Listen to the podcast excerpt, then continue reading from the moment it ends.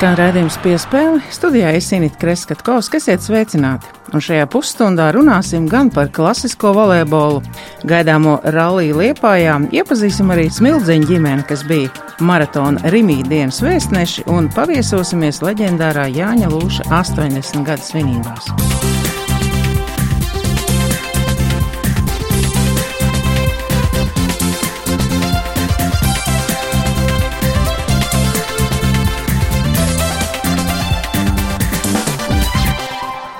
Šodien 80 gadu jubileju svin Mehiko, 68. gada Olimpisko spēļu čempions Tokijas, 64. gada Olimpisko spēļu bronzas un Mīnhenes 72. Olimpisko spēļu sudraba medaļas ieguvējs, četrkārtējais Eiropas čempions šķēpmešanā Jānis Lūsis.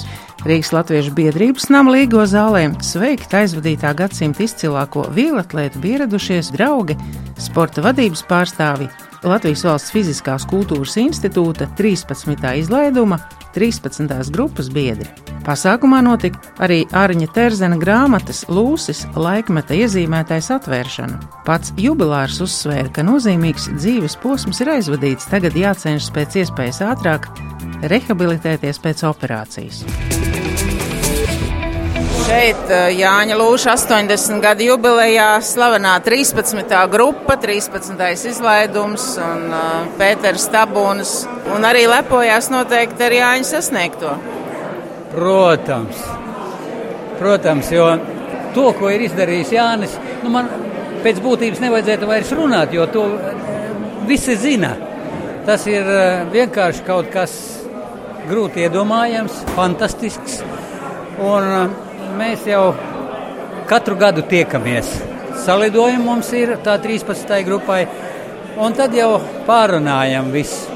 Protams, Jānis, viņš jau nav no runātājiem, viņš nav no lielību viņiem nepiemīt. Viņš varētu būt, nu nezinu kā, runāt par saviem sasniegumiem, bet viņš mierīgi, klusi uh, uztver arī, arī to, to šodien, to, ko mēs runājam un to, ko dzirdējām. Visiem sveicējiem novēlēja atkārtot viņa panākumus, kas Jā, izraisīja tiešām humora dzirksti zāles apmeklētājiem. Tas patiešām bija kolosāli, jo Jāņa panākums eh, jebkurā jomā sasniegt un pārsniegt vispār nav iespējams gandrīz. Ir īpaši sportā. Paldies! Māris Gails arī sveicēja vidū. Jūs arī esat viens no tiem leģendārākajiem treneriem šajā zālē. Piekrītat? Diez vai treneris, bet skriet, skrēja labi. Savas distances, un vēl joprojām ir rezultāti turās. Es Šim ats... gadsimtam pietiks pāris distances. Vāpa lūsas varētu pat, cik mēs kā grupas piedari, jā, es viņu, es viņu metienu pāri pirmo 90 metriem Odesā redzēju. Un es jau humoru pēc teicu, man jāskrien vienā galā eh, distance, kur viņš ieskrienās, lai mēs nesaskrietos otrā galā, šķēpam lidojot pāri gandrīz laukumam, lai netrāp kājās man atkal. Jā. Nu, tas čēps, arī planējošais čēps, viņš tik lēni lidoja tos pēdējos desmit metrus un aizlidoja pāri pa 90. stadionā. Bija tāds klusums un pēc tam gan stadions Nu, es domāju, viņi jāliek tandēmā ar Valentīnu Mazāli, kā grupas audzinātāju, kurš visu to daudz uh, ievadīja, no, kā viss šī, šis duets izveidojās. Jā, un līdz ar to Lūsis pierādīja, ka ar, uh, kā viņš vēl viens gadu pateicis, mēs bijām tādā izbraukumā, ka viņš teica, vienkārši lauka puika atnāca, gribēja un trenējos un sasniedz. Un, un tiešām pēc tam tie bērni startēja sacensībās, un viņi saka, jā, laikam tiešām, ja, ja tāda ļoti grib, tas viss ir galvā, tad var sasniegt arī. Jā. Nu, paldies jums un uh, veselību Jānim. Jānis ir jau spēki izsīkuši no interviju došanas, vai to vienmēr var atrast spēks priekš tam? Nu, nevar jau tā presē atteikt tomēr. Jūs jau daudz esat eh, teicis par tiem saviem panākumiem un tā, bet uh, laikam tādās gadskārtās ir tāda vēlme salikt kaut kādos ciklos savus dzīves gājumus un izvērtēt tos cilvēkus vai tos krustpunktus dzīvē, kas ir bijuši. Es varu tikai būt pateicīgs liktenim, kad man tomēr kļūstot par institūtu studentu, man, man kopā ar Valentīnu Vazaulītu laimējās atrast īsto ceļu, kas noved mūs pie panākumiem. Jums jau pašos pirmsākumos bija vēlme pierādīt, ka kāds teica, ka no jums nekas nesanāks. Jānis teica, sanāks gan. Nu, tā man sanāca tiešām, ka tas bija tas, no, tas uh, liktenīgais pagrieziena punkts. Jo es no, neaizgāju, kā man ieteica mamma, uz lauksaimniecības akadēmiju, bet nodevu dokumentus Fiskultūras institūtā. Iekšējā vēlme cīnīties ar slimību ir, un raksturs ir tāds, ka izdosies. Nu, jācer uz to labāko. Jā, paldies. Viņš bija tāds motivators, ka es arī gribu būt tur, kur ir viņš un darīt to, ko viņš dara. Maratons ir svētki, nu jau zelta svētki, un es iepazīstināšu radioklausītājus ar smildziņu ģimeni. Māmu iepazīstiniet pati ar sevi un ar savajām, savām atvasēm. Mani sauc Inga Akmentiņa Smildziņa. Esmu trīs bērnu mamma. Te man ir blakus Klaus un Lība, un tāpat arī ir Sāra. Mēs jā, piedalīsimies Rīgā bērniem ģimenes skrējienā, bet piedalīsies arī tētis. Un, jāsaka, ka tieši tētis ar klāvu bija tie, kuri aizsāka šo tradīciju, ka mūsu ģimene piedalās šajā ģimenes skrējienā. Nu, īstenībā es jau esmu aktīvs jau no trīs gadu vecuma, kad es sāku iet futbolā. Es jau nogāju astoņus gadus, un tagad es eju vieglatlētikā. Man liekas, ka es esmu aktīvākais ģimenē. Labā formā. Jā. Es, nu, tā kā brālis un teica, sāka skriet, un arī tad mamma gribēja. Nu, es arī gribēju piedalīties tādā ģimenes tradīcijā, un tāpēc es arī sāku. Un tagad es arī eju dejošanā, un man ļoti patīk darīt visādas nodarbības. Ikdienā mums katram ir savs sporta veids. Um, tie, kas ikdienā daudz skrien, ir tātad klaus, vieglatlētikas ietveros, un arī tētis Kristaps, viņš arī iet uz sporta klubu, viņš ļoti daudz skrien. Uh, visiem pārējiem ir citas nodarbes, un uh, tieši tāpēc tā gatavošanās Rimī bērniem tam ģimenes skrējienam ir forši to, ka tas liek tiem, kas ikdienā neskrien, bet dara kaut ko citu, un, piemēram, lība dejo, tad viņai tie skriešanas treniņi nepieciešami. Tad tas ir, tas ir jauki, ka mēs kopā vakaros uh, izskrienam. Vai tas, ka tas ir zelta maratons tagad, jūs kaut kā izjūtat, vai jūs cerat zelta medaļas saņemt finišā, vai arī krājat? Nu, teiksim, arī šis process ir svarīgs, kur nolikt balvas vai kādā mīļā vietā. Jā, varbūt es varētu sākt šogad krāt visas balvas, kuras es saņemu no dažādām vietām bet tad arī no maratona. Es nejūtu baigi lielu atšķirību starp tiem maratoniem, jo visi jau ir bijuši tādi paši. Es pats jau krāju dažas medaļas, viņa ir iekrājušās kopš četriem gadiem. Jau. Cik lielā mērā jūs izmantojat mūsdienu tehnoloģijas, arī sazināties, varbūt meklējat draugus arī citās valstīs, jo mēs zinām, ka ļoti daudz viesojās Rīgā un ir arī būtiski to skaistāko pasniegt, parādīt, kur. Pirmais, kur mēs vispār tehnoloģijas izmantojam, mēs, kad ar lību skrienam akros, mēs mēram soļus, cik tad mēs esam noskrējušas, un uh, tas ir tāds ļoti vērtīgs. Mums šobrīd tā ir kā uh, ģimenes uh, ikgadēja tradīcija, un manuprāt, ir vērts katrai ģimenei ieviest vismaz tādu vienu kopīgo sportisko pasākumu gadā, jo tas gatavošanās posms ir tāds, kurā tu esi tā kā tāds labs iemesls eh, pārunāt, vai jūs ēdat veselīgi, vai jūs dzīvojat veselīgi, kāpēc tas ir svarīgi, kāpēc ir svarīgi sportot. Un es domāju, jo mazāks bērns mēs parasti sakam, nu, piemērs rāda. Bet ir kolosāli darīt kopā šo piemēru. Mēs, piemēram, gatavoties šim maratonam, mēs bijām uz tādu crossfit treniņu, kur, eh, kas notika kopā visai ģimenei. Tā bija brīnišķīga pieredze, ka sporto gan lielie, gan mazie un redz, kā visiem sokas. Tas, manuprāt, ir ļoti, ļoti vērtīgi tā kopā būšana. Katrs maratons grib labā nozīmē ar kaut ko izcelties. Arī šoreiz būs īpaši domāts par zaļo ekoloģiju, par to, lai nemētātu plastmasas pudeles un glāzītes. Vai jūs arī par to esat aizdomājušies un cik lielā mērā jums ir svarīgi, ka jūs skrienat pa tīru vidi? Man ir svarīgi, ka daba ir tīra. Vispār ir ļoti daudz piesārņots viss, un es cenšos izmantot mazāk plastmasu visur. Ne, jā, protams, dažreiz patīkamāk ir skriet pa, pa tīru vidi, un ka tu vari elpot tīru gaisu. Un tas īstenībā arī ir veselīgāk. ka tev viss ir apkārt tīrs un veselīgs. Kas ar tiem plasmas salmiņiem? Nu, mēs ģimenē jau sen neesam lietojuši plasmas salmiņus. Tā vietā mēs lietojam koku salmiņus dažādus. Stikla, jā, un ba bambusa. Jā, lība var piebilst, ka arī metāla. Jā, metāla salmiņas arī mēs izmantojam. Var nopirkt. Visbeidzot, jautājums par um, laimes sindromu. Esat par tādu dzirdējuši? Jā, varbūt. Jo es pagājušajā gadā skrēju, un tad šogad arī gribu skriet. Tīpaši, ja mēs skrienam kopā ar ģimeni, tad tā kopības sajūta, ka mēs varam visi darīt kaut ko kopā, izrauties no rutīnas. Man kā reiz šis par to laimes sindromu bija nu, tāds pārsteigums, jo es jau no vidusskolas laikiem esmu definējis, ka es esmu tāda gar, gargabalniece, es varu skriet ilgi un garas distances, bet tā kā mūsu gatavošanās procesā konsultēja labākie dzīvē eksperti, un tas bija treneris Kārlis, kurš uh, izstāstīja, ka nē, nav tā, ka visi gūst baudu no skriešanas, nu, arī tas mūsu ģimenē ir dažādi, ka mums varbūt patīk sportot un katram tā sava tā disciplīna patīk, bet tas nenozīmē, ka visiem ir jāpatīk skriet. Un vienalga, kāda būs kompānija, vienalga, kāda būs medaļa, ir cilvēki, kuri, kuriem slēmas sindroms skrienot neizdalīsies. Un, un pret to ir jāizturās ar cieņu. Visa ģimene grib būt kopā un atrast šo kopīgo nodarbi. Tas ir tāds motivējošs, jo ir ļoti labi trenēties un apzināties, ka, ja vajag, es varu noskriet. Tā ir ļoti laba apziņa. Tas nav viennozīmīgi. Es jums vēlu izbaudīt svētkus, un lai no katra maratona jūs katrs sev gūtu kaut kādu īpašu atziņu, lai tas jums paliktu vēsturē un lai uz jūsu plauktiņiem mājās goda vietā krātos medaļas. Galvenais patīkams atmiņas. Ja? Jā.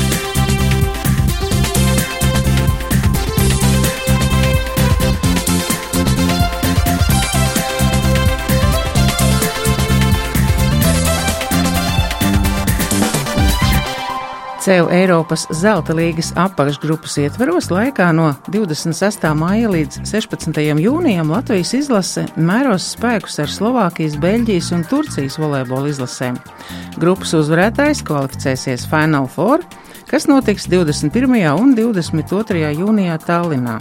Latvijas izlases turpinot gatavošanos Eiropas zelta līgas spēlēm šonadēļ aizvadīja divas pārbaudas spēles ar Baltkrieviju un zelta līgas turnīru Latvijas izlase uzsāks tieši pēc nedēļas - 26. maijā izbraukumā Turcijā.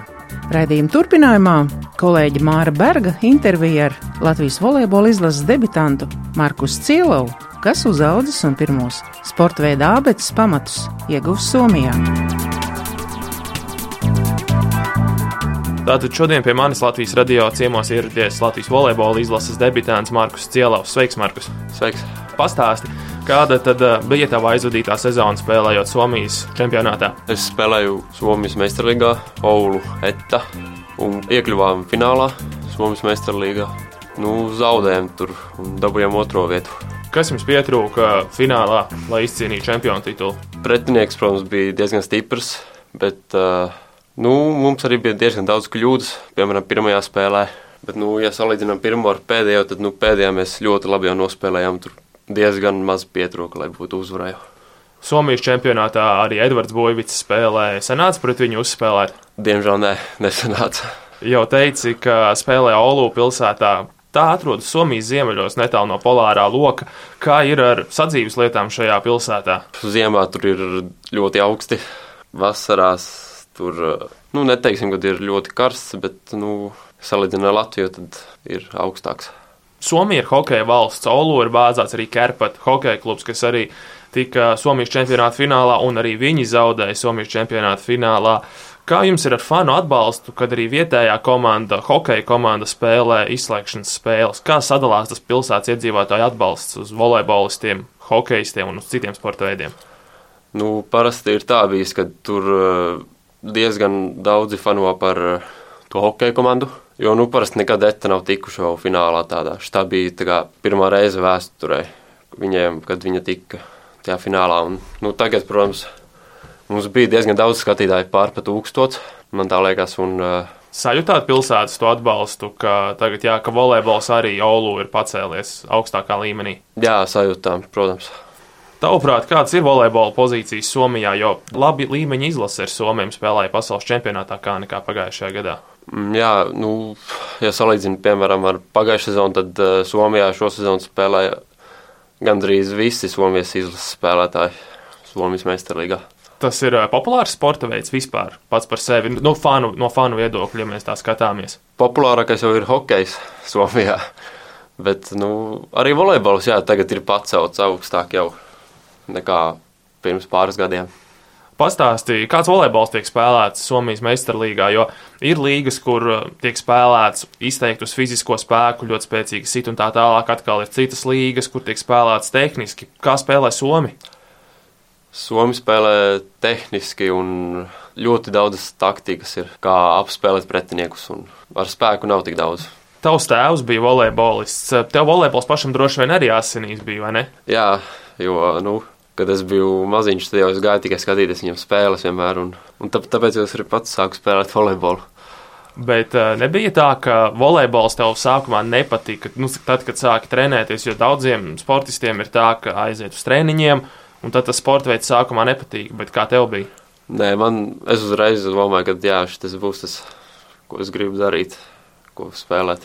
Atceries savu pirmo treniņu, cik gados aizgāja pamēģināt? Man liekas, tas bija. Es biju seši gadi. Aizgāju pamēģināt, un iepatikās uzreiz, jo es atceros, ka man ļoti, ļoti daudz tad jau patika spēlēt volejbolu un vispār nodarboties ar bumbu.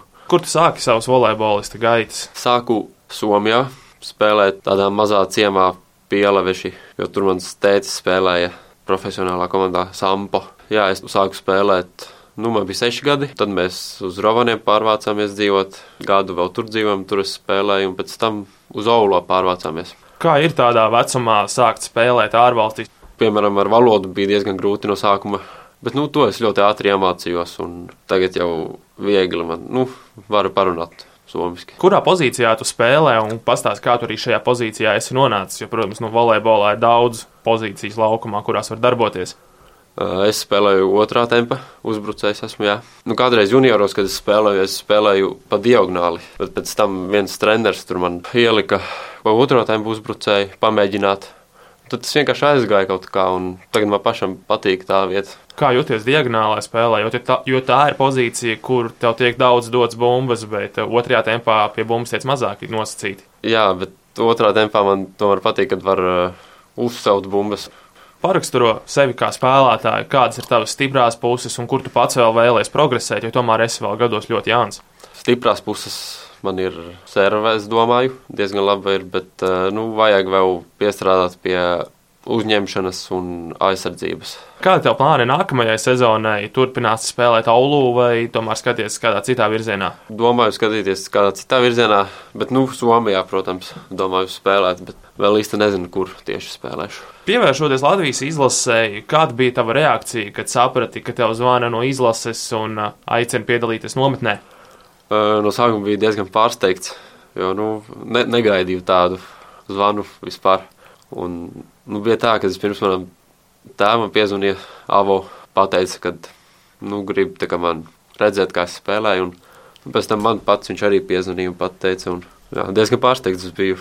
Iepriekš esi pasakojis Latvijas izlases gaitām, kā mūsējie spēlējuši iepriekšējos gados. Jā, esmu. Kāds radās iespējas par Latvijas izlasi kaut vai pagājušajā gadā sudrablīgas spēlēs? Es domāju, ka viņiem diezgan labi gāja.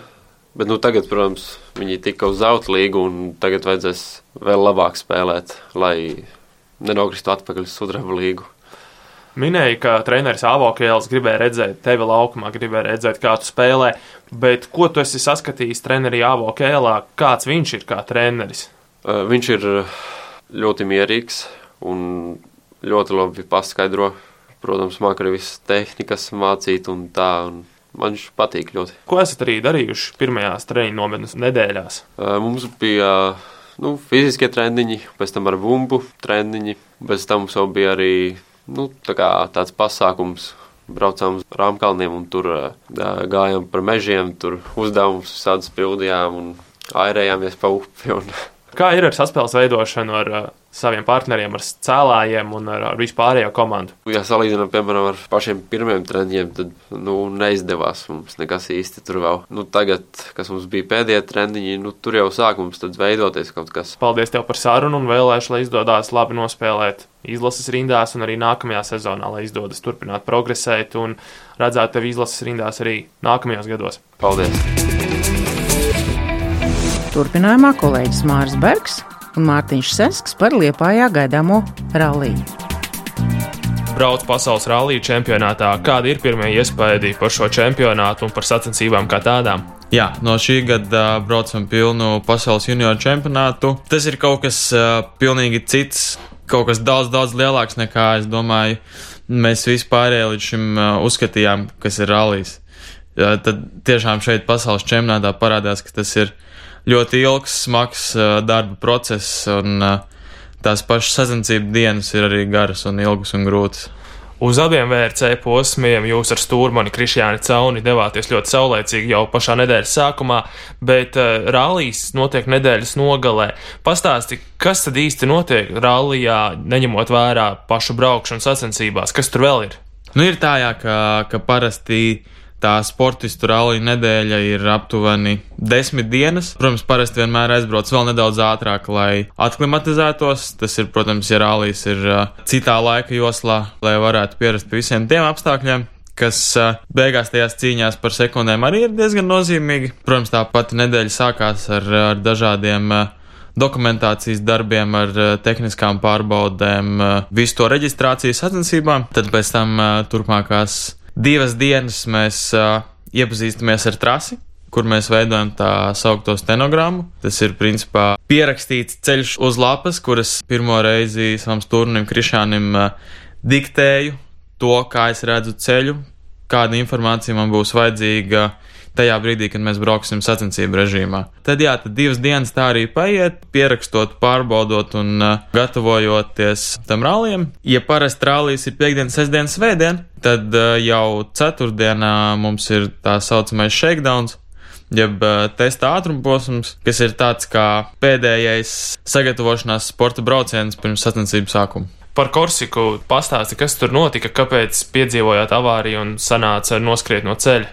Es domāju, ka bija tā, ka mēs uzsākām varbūt ne ar pārāk labiem rezultātiem. To sākumu rallijā mēs testa ātruma posmā bijām arī diezgan nepārāk patīkamā vietā. Mēs, man liekas, bijām sastie. Pats rallijas sākums izvērtās nedaudz stresains un, protams, Rallijā tā notiek. Vismaz labi, ka viss beidzās veiksmīgi, paši bijām bez sasitumiem, bet uh, tāds ir sports beig beigās. Korsiku sauc par tūkstošu līkumu ralliju, paspēja sajust tos līkumotos ceļus. Nu tieši šoreiz arī bija tā, ka viņi bija tik daudz, ka mēs viņus nespējām apstrādāt.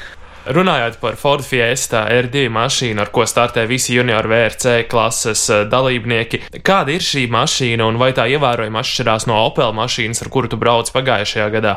Tajā kopējā, varbūt jaudas ziņā un uh, vadāmības ziņā tas uh, nav nekas daudz citādāks kā iepriekšējās mašīnas, ar kurām es esmu braucis. Tas pats Opel Adam ir 2 vai Peugeot 208, bet, uh, protams, tajā augstajā līmenī ir jācīnās par augstiem rezultātiem un tas ātrums ir liels. Tad, protams, ir, ir tās mazās sīkās niansītas un uh, varbūt tā lielākā būtu tāda, ka līdz šim mašīnas, ar kurām es biju braucis, bija bez turbīnas, bez turbopūtas. Līdz ar to motora darbība ir cita, un man kā braucējiem ir citādāk jāadaptējas šai mašīnai. Tad, eh, jā, noteikti tā, tā lielākā izmaiņa ir dzinējs, jo Ford Fiesta ir eh, viena litra turbodzinējs. Kas attīstīja nedaudz eh, virs 200 zirgspēkiem. Līdz ar to tā bija tā, tā lielākā īpatnība, jo Opel Adam bija ar 1,6 atmosfēras ko dzinēju, tāpēc tādas nelielas jaudas īpatnības.